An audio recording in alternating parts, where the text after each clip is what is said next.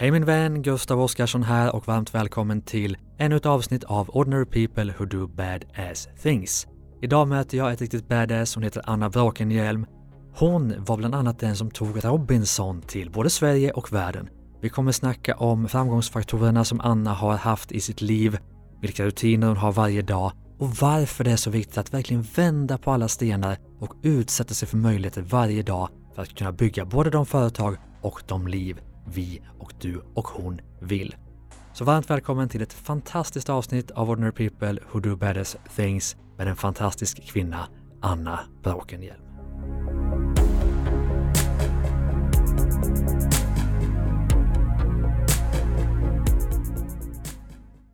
Varmt välkommen till Ordinary People Who Do Badass Things, Anna Brakenhielm. Tack så mycket. Hur är läget? Ja, men det är ganska bra. Jag har varit eh, halvvaken eh, hela natten tittat på amerikanskt presidentval. Men eh, annars är det fint. Just det. Och när vi sitter här nu så är det oerhört jämnt i valet. Jag vet inte, vi kanske kommer in till och med på Trumps ledarstil om vi har tur i det här avsnittet. Vad tror du? Ja, för mig är han och förblir en eh, dokusåpa-figur som jag har följt i många år. Det är ju liksom ingen skillnad om han är med i eh, The Apprentice eller om han är president. Han är ju samma person. Verkligen. Och vad spännande att du börjar just i dokusåpan, för du var ju snudd på den som tog dokusåpan till Sverige, vågar man säga så, med Robinson och allt vad det var som du, som du började din kanske mer kända karriär som i alla fall. Men jag tror att många vet vem du är. Eh, du har ju fått massa utmärkelser och syns i media och gjort massa coola saker som vi ska snacka om idag. Men ska vi ta bara en liten kort, vem är Anna Wrakenhielm? Om du själv får berätta. Okej, då ska jag försöka göra det. Jag är, eh, ska man säga, jag brukar alltid säga uppvuxen i Småland. Det är någon sån här mm. konstig identitetsgrej att jag kommer från en liten, liten by i Småland. Bestämde mig jättetidigt för att jag skulle bli journalist. Sen tog jag mig via Växjö, studier, Smålandsposten och så vidare till Stockholm och eh, fick mitt drömjobb så småningom på Strix Television som eh, redaktör, researcher på tv-programmet ikväll, Robert Aschberg, som var en eh, av de första vad ska man säga, kommersiella eh, talkshows på den första kommersiella tv-kanalen, TV3 mm. i Sverige i eh, början av 90-talet. Just det. Och vad hände efter det? Efter det så blev jag kvar där väldigt länge eh, och eh, fick ett jobb som utvecklingschef eller kreativ chef på Strix Television efter har gjort ett diverse, ja, diverse olika produktioner under många års tid. Och då började jag leta efter programformat runt om i världen, framförallt i England. Man åkte och hämtade VHS-band och spel, satt på hotellrum och spelade in engelska kanaler på fredagskvällar och sådär mm. för att inspireras och sen så småningom också då försöka köpa rättigheter. Och eh, under den tiden så lyckades jag då knyta en massa nya kontakter i eh, London framför allt och eh, fick via en vän som jobbade på ett produktionsbolag nys om ett nytt format som hette Survivor. Just det. Och det tog du som jag förstår det då till Sverige, men det var ingen självklar succé, eller hur? Framförallt var det ju ingen som ville köpa det där. Det Nej. var ju liksom fyra sidor på papper mm. på en tv-mässa. Det fanns ingenstans då egentligen? Nej, de, det här engelska produktionsbolaget hade utvecklat det för de skulle försöka sälja det till USA. Mm. Och de lyckades inte med det och eh, sen satt de i en liten monter på tv-mässan i Cannes 1996 mm. och hade då en VHS-kassett med en trailer som visade några människor som landade på en öde ö från en helikopter och sen hade de då byggt den här strukturen för programmet och jag tyckte det lät jättespännande så jag köpte då rättigheterna för 8000 pund. Mm.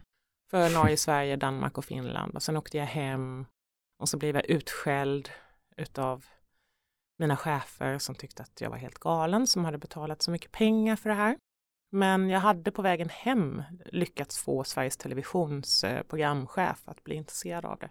Mm. Så jag var ändå ganska trygg med att det kanske fanns någonstans att placera det här märkliga underhållningsformatet med ett utröstningsmoment och där man skulle följa helt vanliga människor för att se om de skulle klara sig på en öde ö. Uh, och sen blev det ju så att SVT köpte det här och vi uh, fick göra produktionen. Det var också väldigt ovanligt att ett uh, fristående produktionsbolag fick göra stora underhållningsprogram på Sveriges Television på den tiden, för då gjordes allting inhouse. Mm. Och det här blev liksom en väldigt stor grej för bolaget där jag då var utvecklingschef och där jag blev vd helt plötsligt. 29 år, 30 år gammal var jag. Mm. Och um, det blev då en enorm eh, tittarsuccé och en enorm kalabalik och kritikerstorm mm. kring mm. det här programmet. Så det ansågs vara förnedrande, mobbnings-tv och allt möjligt. Mm. Om man mm. tittar på det idag så är ju Robinson kanske ett av de mest, eh, ska man säga, decent eh, programmen i den här genren. Men det blev liksom en, en start faktiskt nästan över hela världen med just Survivor med Expedition Robinson. För vi var först i världen att göra det, sen gjorde vi det i Norge och i Danmark och sen tog vi rättigheterna för Italien och Spanien och massa andra länder i Europa, Frankrike. Vi började producera det i Holland och i Belgien. Så vi byggde upp en jättestor produktionsapparat mm. i Malaysia där vi lät liksom andra länder komma in. Sen hjälpte jag de här engelsmännen också när det skulle säljas i USA, för de mm. gjorde ett nytt försök. Just det. Och ett amerikanskt bolag som köpte det och då blev det ju en enorm hype när det blev stort mm. i USA. Verkligen. Och vi ska komma in mer på vad du gjorde sen efter du jobbade på Strix och tog Robinson eh, till Sverige. Men hur viktigt skulle du säga att den här, det här beslutet du tog på den här mässan, hur viktigt har det varit för ditt liv? För mitt liv, jag har inte tänkt riktigt så mycket att det har varit en stor, jag har mer tänkt att jag förändrade tv-branschen ja, ganska du ska prata om dig. men om jag hade då, ja. om vi säger att jag hade hittat på det här ja. programmet, men jag, det var faktiskt så att jag var väldigt involverad i att skapa ett annat program som fortfarande går, mm. som heter Farmen. Just det. Som går på TV4 sedan 20 år mm. tillbaka. Och hade jag och mina kollegor ägt rättigheterna till det själva hade vi mm. varit goda för ungefär 5,5 miljarder kronor. Oj. Så det hade varit ganska trevligt. så det har inte påverkat mitt liv sådär jättemycket ekonomiskt men jag har haft väldigt, väldigt kul. Ja. Och jag blev ju vd där i ganska unga år. Jag mm. började tjäna ganska liksom, mycket pengar på att göra det roligaste jag visste. Mm. Och jag fick resa över hela världen. Eh, jag fick vara med och skapa nya programkoncept som vi sålde över hela världen. Jag tror vi sålde ett annat program som heter Baren mm. och Farmen till eh, nästan hundra länder runt om. Eh, så det var ju liksom väldigt, väldigt kul. Och sen blev jag intresserad av det här med att göra affärer och driva mm. företag. Jag upptäckte att det är det här jag tycker är kul. Mm. Att sälja, att förhandla, knyta kontakter. Mm. Och framförallt utanför Sverige. Just det. Så du var kvar på Strix ett tag, men vart tog du vägen sen? Jag var där ända till 2006, så jag var vd där i nästan tio år. Ja. Sen fick jag ett erbjudande av en, en i tv-världen väldigt känd holländare som heter John de Mol. Mm. Han är mannen bakom Big, Big Brother och okay. The Voice, mm. massa mm. olika mm. stora, stora underhållningskoncept. Eh, och han frågade mig om jag kunde starta åt honom i Skandinavien och gav mig då möjlighet att bli delägare i det bolaget. Mm. Han sa du får 60 miljoner och du får 25% ägande i det här Just företaget. Vilket bolag var det? Det hette då Talpa Scandinavia, mm. för Talpa var hans företagsnamn i Just Holland. Det. det är mm. fortfarande en jättestor produktionsbolagskoncern. Mm. Och jag nappade på det. Dels så hade jag haft mycket med honom att göra och tyckte att han var den coolaste entreprenören jag någonsin hade träffat. Mm. Han hade sålt sitt förra bolag Endemol till spanska Telefonica, motsvarigheten till Telia, för 5,5 miljarder euro under IT-hypen. Mm. Så han var liksom en rätt, ska man säga, riktig hotshot i de här sammanhangen som både var kreatör och jättemycket business. Mm. Så jag tänkte att få chansen att jobba ihop med honom och dessutom få bli delägare liksom för mm. första gången någonsin. Jag fick Men nu hade du fått upp liksom känslan för att nu vill jag driva något eget eller vara med i alla fall på mm. och ha en del av någonting. Ja, mm. även om jag trivdes otroligt bra mm. inom det som hette MTG då som numera heter Nent och hela den här mm. Stenbeck-sfären och mm. det där jag lärde mig allting om entreprenörskap och mm. driva bolag och så, så kändes det väldigt spännande just det här att få starta något från början på mitt sätt och att få bli delägare. Sen blev det så att jag efter ett tag av olika anledningar fick möjligheten att köpa ut den här holländaren. Så mm. till sist ägde jag 100 procent. Och det var väldigt spännande och roligt att få bygga sitt eget team och allting. Och eh, precis innan den här stora finanskrisen där 2000, vad var det, 2008. Mm. Jag hade bara haft bolaget i ett och ett halvt år. Så blev jag tillfrågad av eh, ja, för då mitt gamla engelska nätverk mm. sen förr i tiden så eh, var det ITV som är Englands motsvarighet till, till TV4. Då ville de köpa bolag i Sverige. Mm. och ville köpa mitt företag. Mm. Så, och jag tänkte, ja men jag älskar ju det här med den internationella cirkusen så det var ju jättekul att få tillhöra ett stort internationellt företag. Mm. Så jag sålde till dem och då med förhoppningen att här kommer jag trivas och vilja jobba jättelänge och få mm. resa över hela världen och starta nya företag.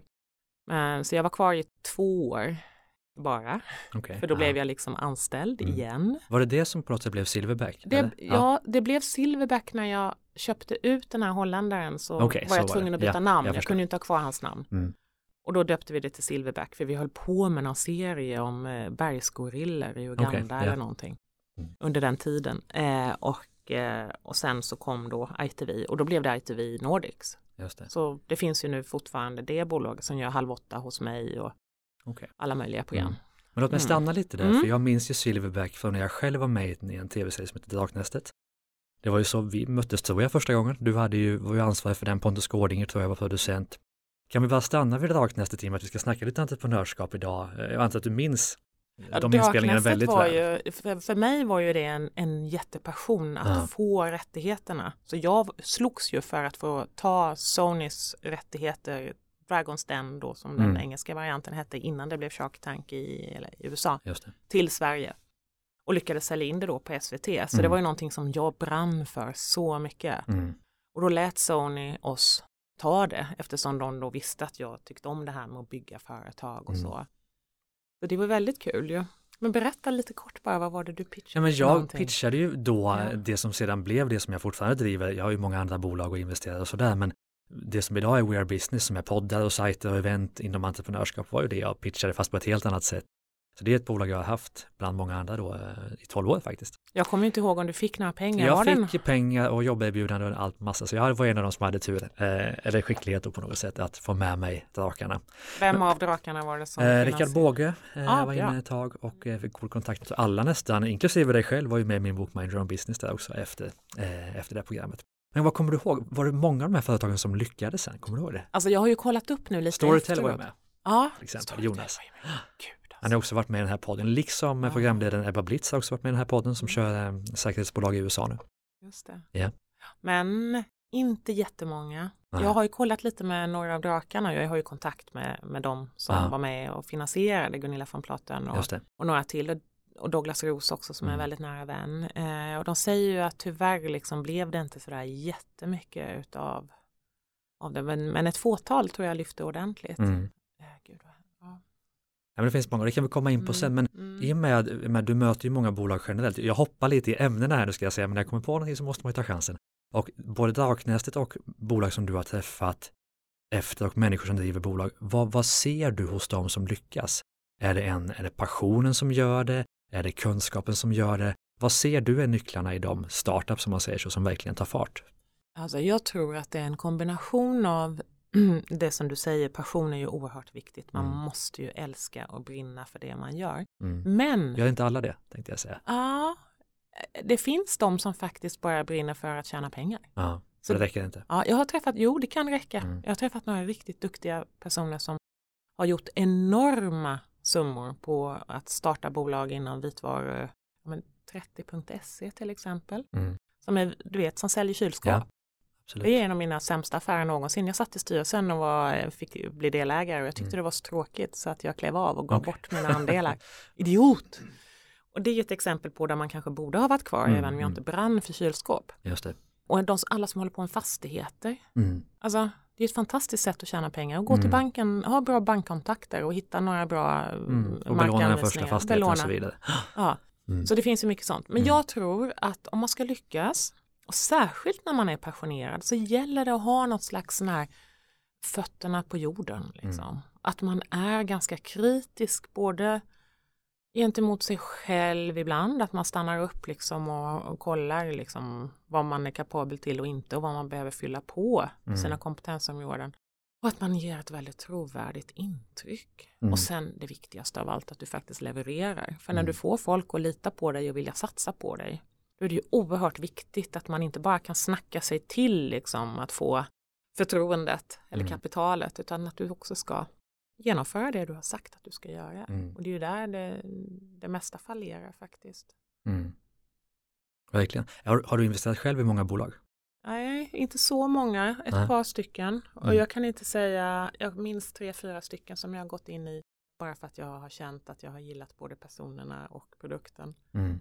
Hur har det gått? Inget av dem har gått något vidare. och det är så ofta att man tänker att jag är duktig mm. som entreprenör, då är jag också duktig på att investera och det är inte alls säkert. Det är två helt skilda kompetenser kan man väl säga. Jag börjar själv inse att jag nog är bättre som investerare än som entreprenör och det är synd när man är vd på ett bolag. Men det är spännande, man hittar ju sin, sin nisch och vad man är duktig på. Men det är två vitt skilda saker, det är det jag vill, vill komma till. Men låt oss ta oss vidare då, vi, vi var ju en liten karriär på väg någonstans i ditt liv här. Så vi hade Silverback, vi hade Draknästet och sen sålde du det här bolaget då till det engelska bolaget. Vad hände sen i livet? Jag var kvar där ett tag mm. och trivdes inte sådär jättebra. Mm. Sa upp mig. Och sen varje gång man säger upp sig för sådana där lite större jobb, mm. då får man ju ett års karantän. Just det. Och det har ju varit väldigt trevliga år. Ja. Det fick jag ju både från Strix och från, då från ITV. Mm. Och sen så blev det så att jag faktiskt bestämde tillsammans med Bonnier att vi skulle starta ett produktionsbolag som skulle jobba nära med TV4. Mm. För då tyckte dåvarande vdn där, Jan Scherman, att det var en väldigt bra idé att TV4 faktiskt också hade ett produktionsbolag på nära håll där man mm. kunde lägga de rättigheter som de har köpt in, behålla lite pengar i familjen helt enkelt och också utveckla nya programformat. Um, så Bonniers dåvarande koncernchef Jonas Bonnier och Janne Scherman och jag bestämde att vi drar igång det här. Och sen inom ett halvår så hade ju väl båda de två slutat. Mm. Vad hette det bolaget? Eh, det hette Scandinavian Studios. Just det. Startade det, jag tror det var 2012. Ja. Var du delägare i det också? Ja, absolut. Mm. Ja. Jag ägde nog jag väl 33 procent. Mm. Ja, men nu hade du lärt dig läxan, nu ska du vara med liksom. På ja, och Bonnier som finansierade Exakt, ja.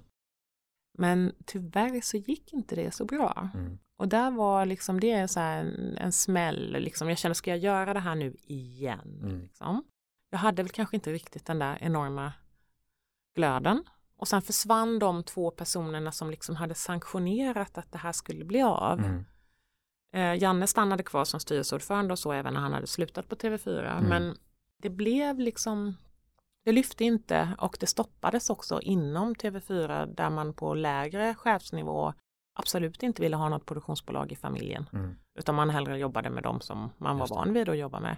Så vi slutade med att vi bara gjorde produktion åt Sveriges Television i princip. Okay. Mm. Och där kände jag på något vis, jag tappade sugen. Mm. Det blev liksom för mycket politik och, och jag var nog trött både på mig själv liksom och hela branschen. Mm. Så när jag hade hållit på och harvat där i två år och kände att det inte riktigt lyfte, då mm. bad jag Bonnier om att de skulle ta över bolaget. Okay. Och då, la in, då höll de på Ville med inte du köpa ut dem? Jo, jag ville det först. Mm. Men så tog jag mig en ordentlig funderare och kände liksom att nej, nu är jag färdig med det här. Mm. Eh, jag vill bort från detta. Så då köpte de ut mig, alltså köpte låter mycket men det var mm. liksom mer att de fick ta över bolaget. Nej, det var inga jättestora mm. pengar och sen fusionerade de det med det de höll på med nyhetsbolaget och, okay. och sen försvann det liksom. Mm. Hur vet man när man ska ge Jag tror att det är en väldigt stark känsla man har i mm. hela hela kroppen att det här, det här är inte roligt längre. Mm.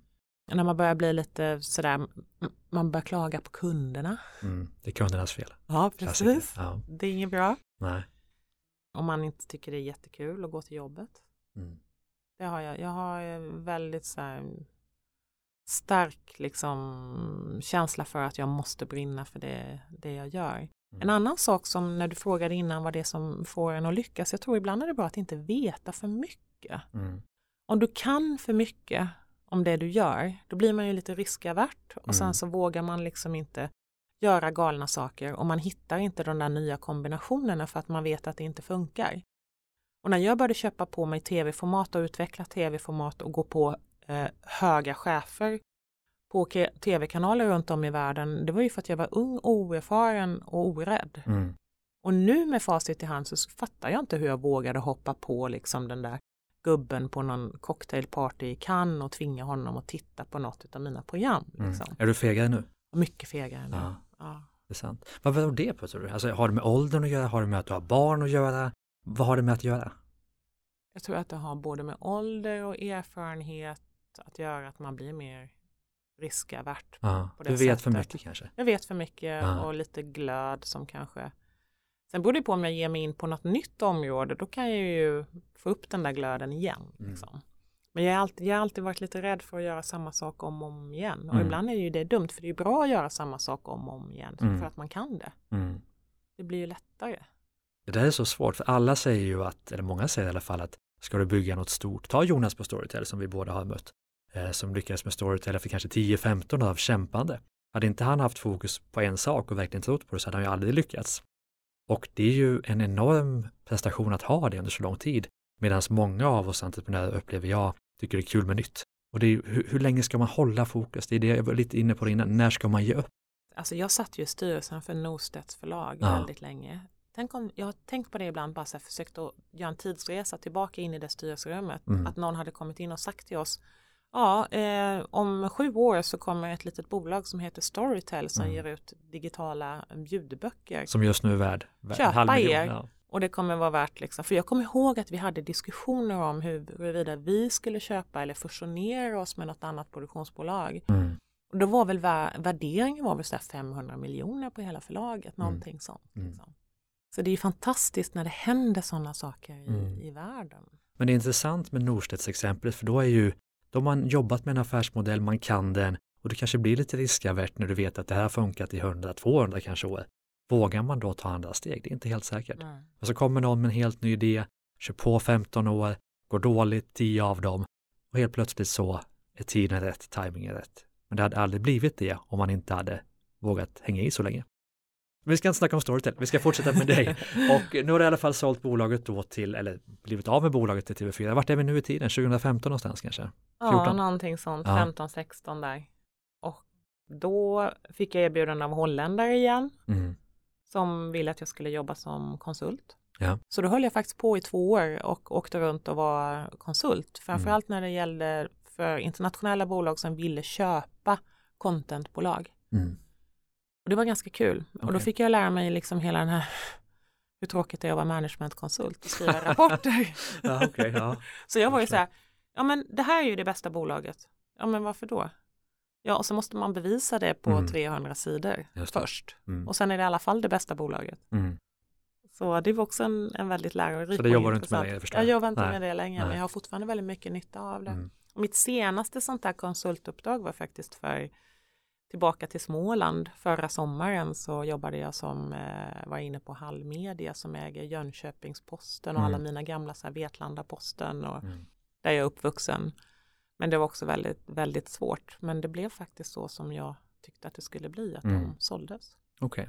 Men Och jag var idag- inte inblandad där. Jag, var Och idag driver du, jag har inte berättat om vad jag gör idag Exakt, för det. någon. Nej.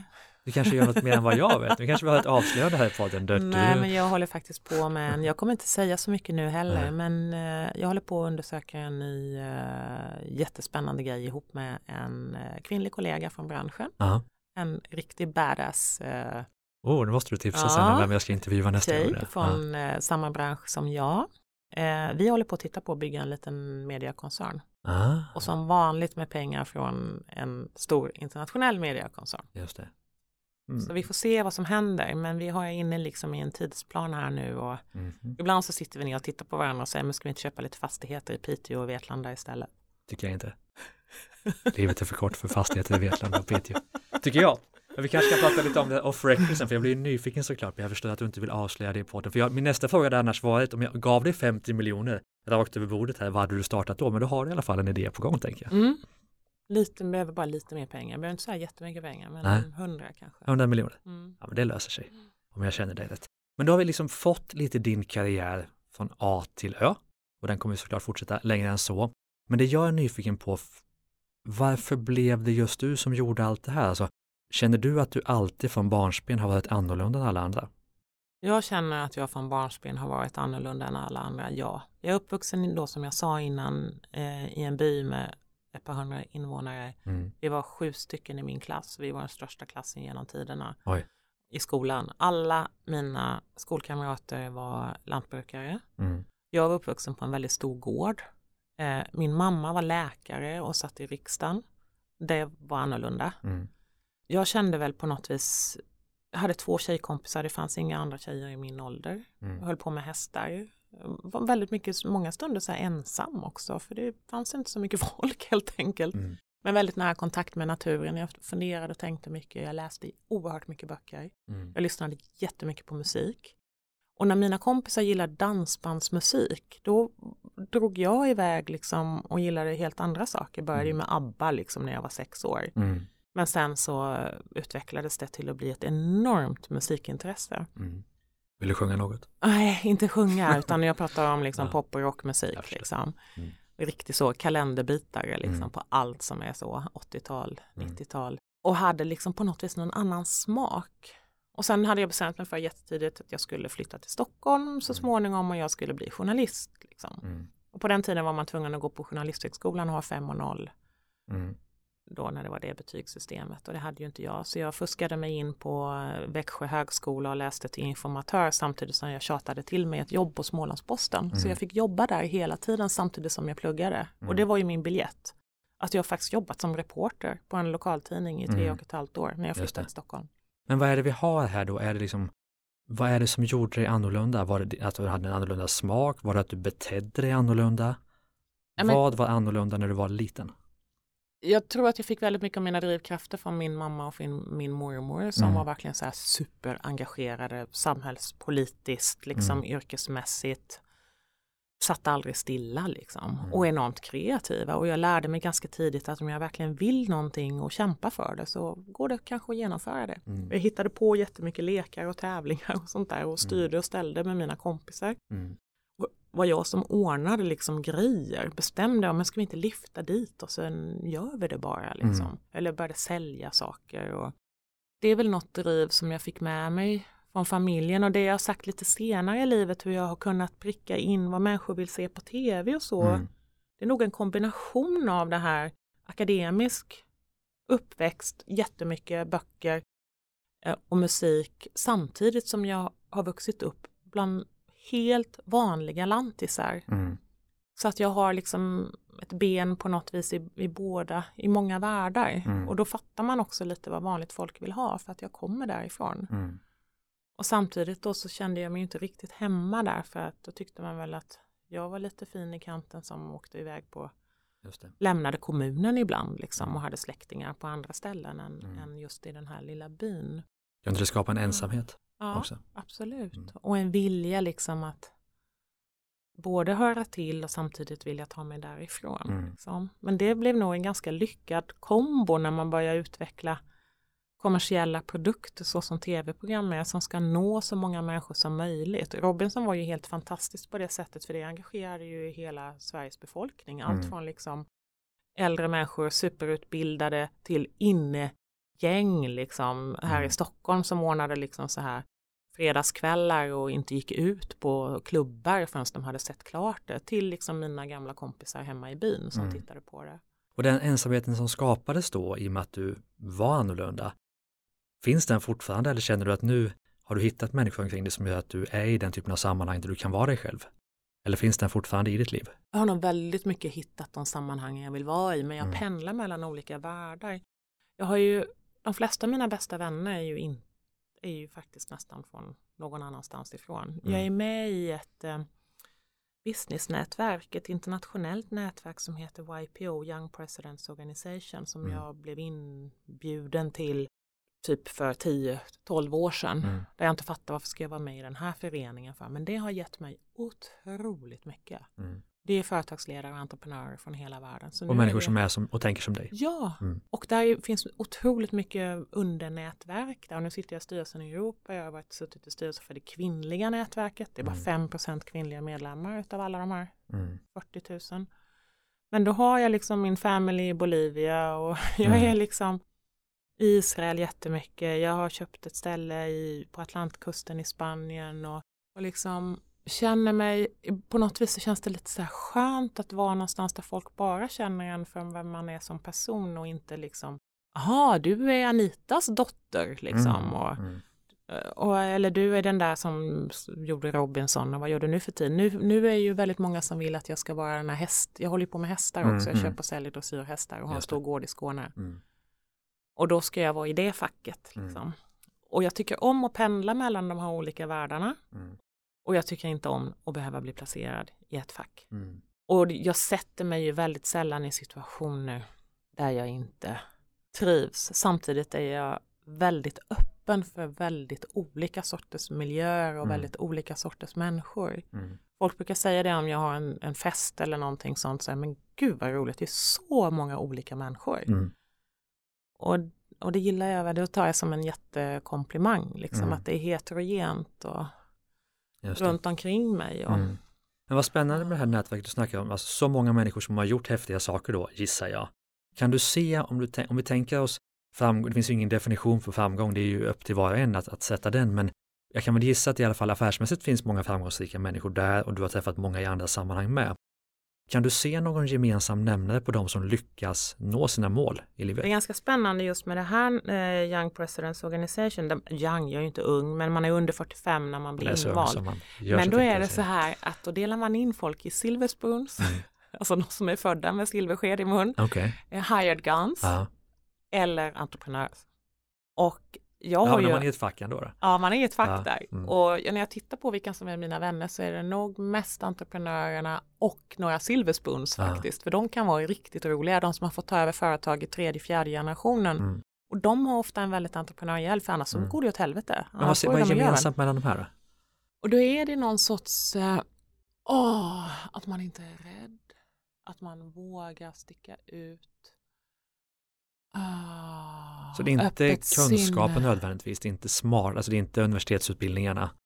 Alltså jag har ju också en väldigt stor respekt för kunskap, det ah. måste jag säga. Är det någonting jag har haft komplex för så är det att jag inte har läst ekonomi, eh, mm. civilekonom eller juristlinjen. Jag säger ju det till alla unga människor, läs juristlinjen eller ekonomlinjen, det, mm. det är aldrig ett tungt bagage att bära. Liksom. Mm.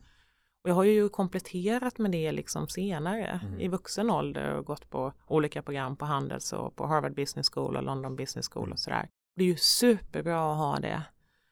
Men... Men tillbaka till varför är de framgångsrika? Och andra oh. människor du känner som har lyckats, som du anser har lyckats? Ibland blir man ju jätteförvånad. Ja, absolut. för den här personen har lyckats. Men på något sätt är det ju liksom att aldrig ge upp. Ja. Aldrig ge upp. Ja och ha en, en, en väldigt, väldigt positiv grundinställning. Mm. Men det finns ju många som är så här jättetysta och blyga och mm. som sitter och nördar med någonting. Och jag hade ju förmånen att jobba med Skype-grundarna, mm. eh, Janus Fries och Niklas Sennström ett mm. tag. För när jag startade Silverback så representerade jag deras andra eller tredje galna satsning Joost som verkligen var så streaming. Det var ju ett, ett Netflix fast där man var tvungen att ha betaband och VHS-band för att transportera mm -hmm. mm. de inspelade programmen och de hade också tanken att eh, allt skulle vara gratis för mm. konsumenten. Det var ingen subscription-modell utan det skulle vara annonsfinansierat.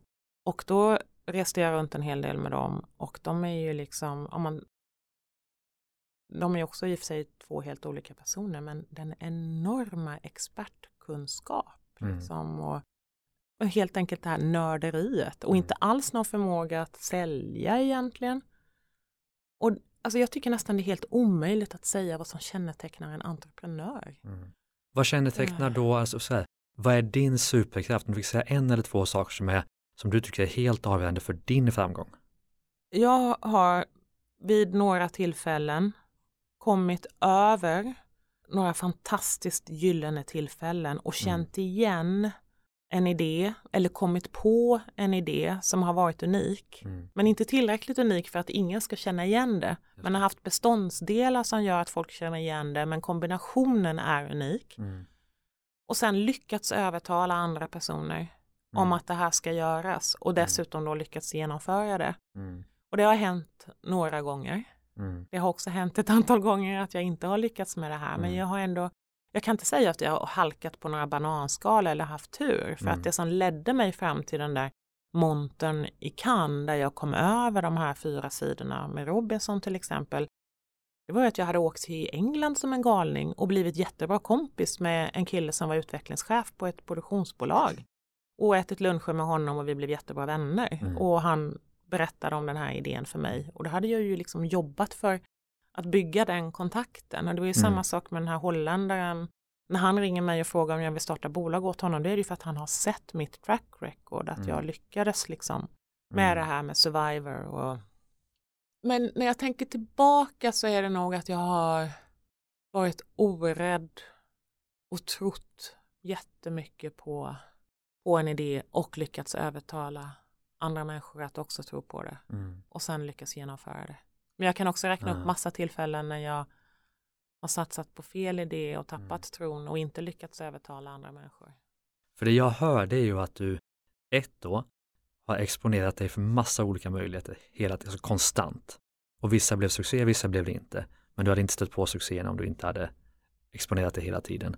Och sen då, som många kommer tillbaka till, att, att aldrig ge upp. Och, och det handlar ju om, om försäljning, införsäljning, att få folk att, att haka på liksom. Men jag tror det som är intressant här tycker jag, det är ju att ständigt exponera sig för möjligheter hela tiden.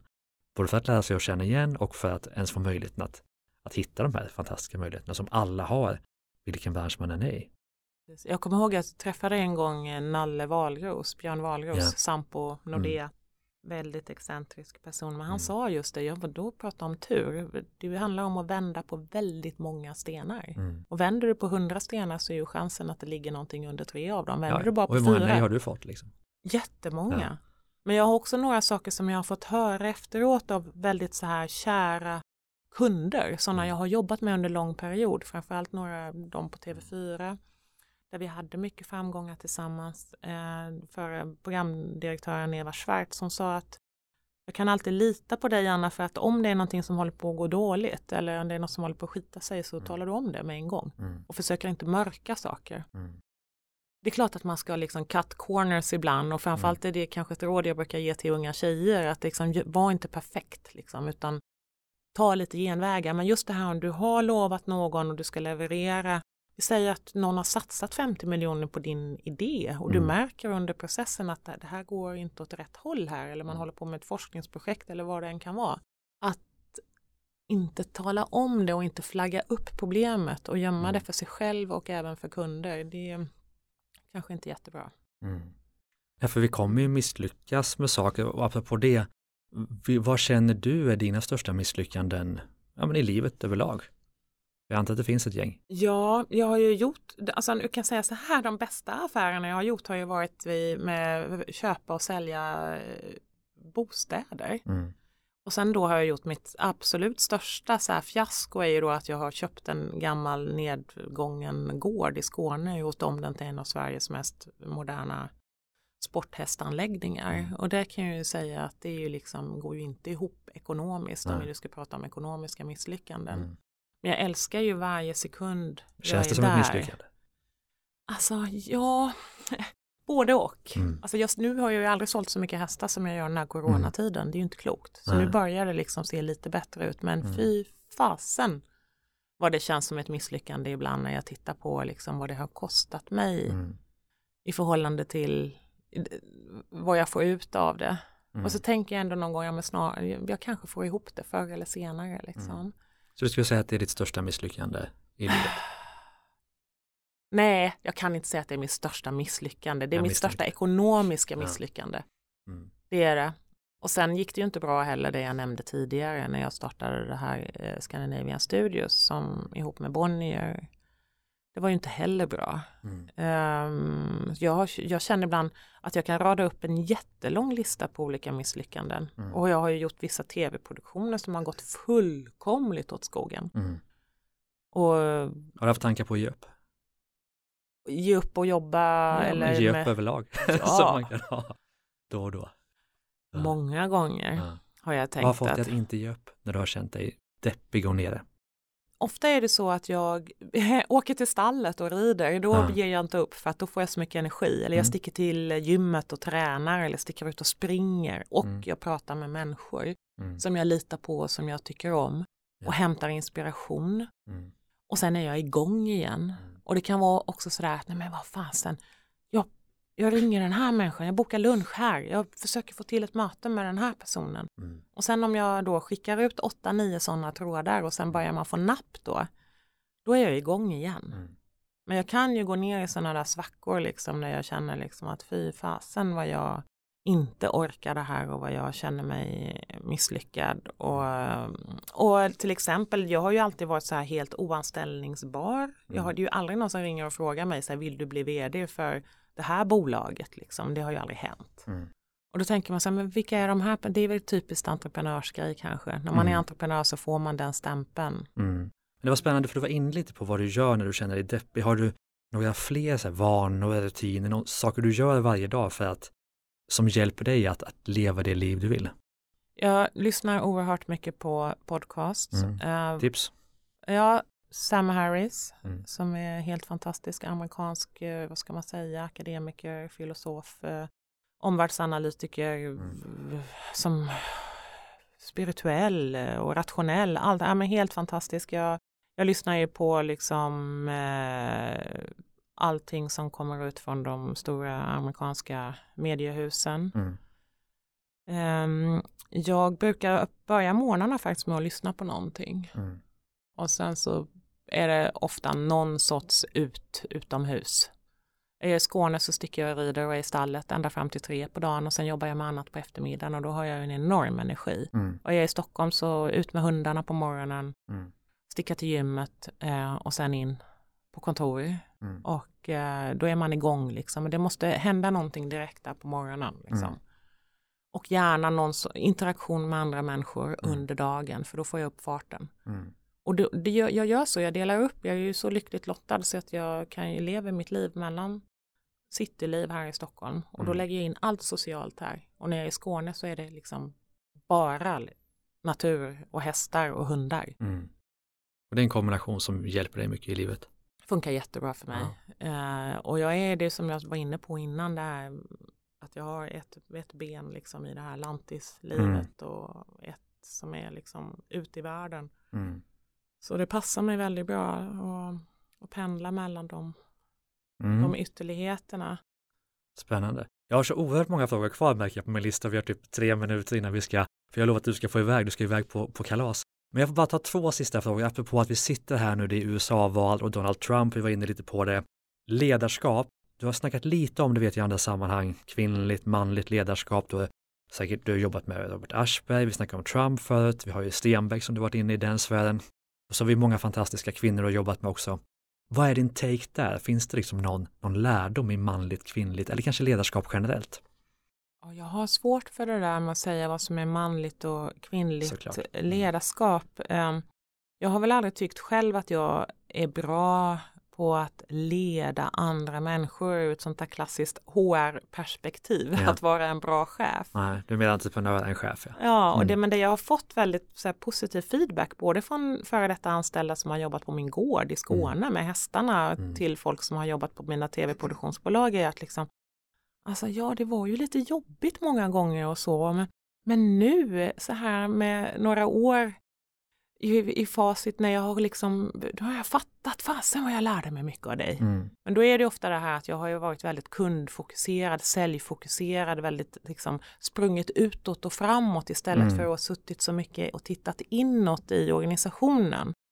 Och jag tror nog att det kanske är lite mer manligt. Som kvinna så förväntas man att man ska vara sådär social och ta hand om alla och se till att alla har det mysigt och, och så. Mm. Men ibland tror jag ibland att, att män nästan är bättre på det.